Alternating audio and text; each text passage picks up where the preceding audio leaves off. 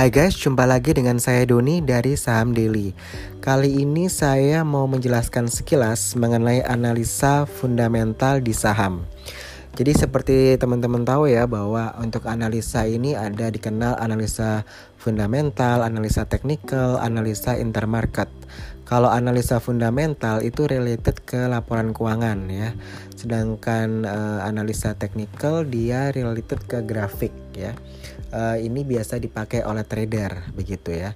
Sedangkan analisa intermarket dia relatednya itu kepada uh, komoditi ya di pasar internasional. Nah, kalau uh, analisa fundamental ini lebih identik ya dengan uh, investor gitu. Tapi kalau menurut kami sebenarnya kalau Anda newbie gitu ya, masih baru di dunia investasi saham, pasti Anda lebih uh, fokusnya ke analisa fundamental dulu begitu. Karena analisa fundamental ini ya dia itu uh, menjawab pertanyaan apa. Jadi what uh, saham apa yang mau kita beli di situ. Sedangkan analisa teknikal itu menjawab pertanyaan when atau kapan. Kapan saya harus membeli saham ini, kapan saya harus menjual saham ini. Begitu. Jadi uh, basically ya kalau Anda newbie uh, memang uh, baik analisa fundamental, analisa teknikal maupun analisa intermarket ini uh, harus anda kuasai sebenarnya begitu. Tapi nanti maksudnya belajarnya kan pelan-pelan ya, gitu. Oke kita fokus di analisa fundamental terlebih dahulu. Nah, analisa fundamental ini uh, related dengan laporan keuangan karena kan uh, kinerja suatu perusahaan ya biasanya kita baca itu kan melalui laporan keuangannya ya. Laporan keuangan sendiri ini uh, teman-teman bisa tahu ada yang namanya Q1, Q2, Q3, Q4 ya atau kita bilang kuartal 1, kuartal 2, kuartal 3, kuartal 4 gitu ya. Setiap tiga bulan kan dia mengeluarkan laporan keuangan begitu ya. Karena dia perusahaan terbuka TBK. Jadi dari laporan keuangan itu yang Q1, Q2, Q3, Q4 lalu ada laporan ke, uh, keuangan tahunan ya yang annual. Uh, lalu ada laporan keuangan audited yang diaudit oleh kantor angkutan publik. Nah, seperti itu. Nah, dari laporan-laporan keuangan tersebut itu biasanya kan uh, laporannya terdiri dari neraca atau kita bilang balance sheet, lalu ada laporan laba rugi ya, income statement, lalu ada yang namanya laporan cash flow atau arus kas, lalu ada laporan equity, uh, laporan perubahan modal ya, seperti itu. Dan catatan atas laporan keuangan gitu. Nah, untuk yang uh, laporan laba rugi itu kita bisa melihat yang namanya revenue ya. Ada gross profit operating profit net profit gitu ya. Uh, laba bersihnya berapa nah di situ ya.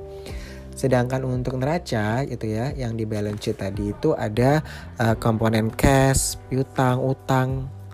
Utang itu dia neraca di sisi liabilities ya. Jadi biasanya kalau sisi kirinya itu ada cash, ada piutang, ada inventory, uh, istilahnya kita bilang aset ya. Jadi ada aset lancar, aset tidak lancar, situlah masukannya sisi sebelah kiri. Sedangkan sisi sebelah kanan itu ada hutang dan modal gitu ya. Hutang itu kita bisa juga bilang liabilities bahasanya ya, liabilities itu baik uh, liabilities jangka pendek atau jangka panjang gitu ya. Utangnya itu jangka pendek atau jangka panjang begitu. Lalu untuk yang hubungannya sama utang biasanya juga ada uh, interest expense ya gitu. Uh, interest expense ini nanti dia larinya ke laba rugi biasanya ya. Uh, untuk biaya uh, karena perusahaan hutang makanya dia harus uh, membayar bunganya begitu ya. Seperti itu. Lalu untuk ekuitas atau modal ya itu dia di sisi bawahnya hutang. Jadi biasanya dia kalau kita bilang uh, itu ya aktiva sama dengan hutang plus modal begitu ya. Atau kita bilang aset sama dengan uh, liabilities plus equity seperti itu.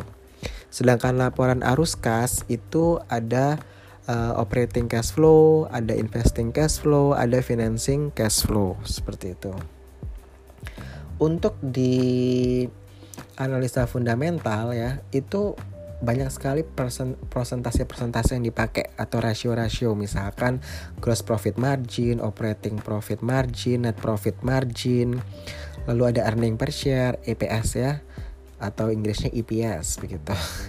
ada price to earning ratio atau PER, PER gitu ya. Lalu ada price to earning growth ratio or PEG, PEG kalau bahasa Indonesia. Lalu ada book value, ada price to book value, PBV, ada cash flow per share, ada price to cash flow ratio, liquidity ratio, cash ratio.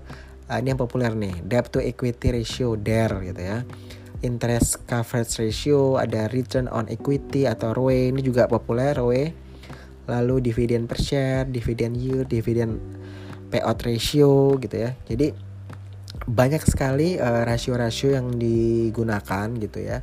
Dari laporan keuangan tersebut Anda bisa isi tuh oh rasio ini rasio ini angkanya berapa Anda hitung aja nanti keluar tuh seperti itu. Lalu selain tadi juga ada yang melakukan valuasi nilai intrinsik ya.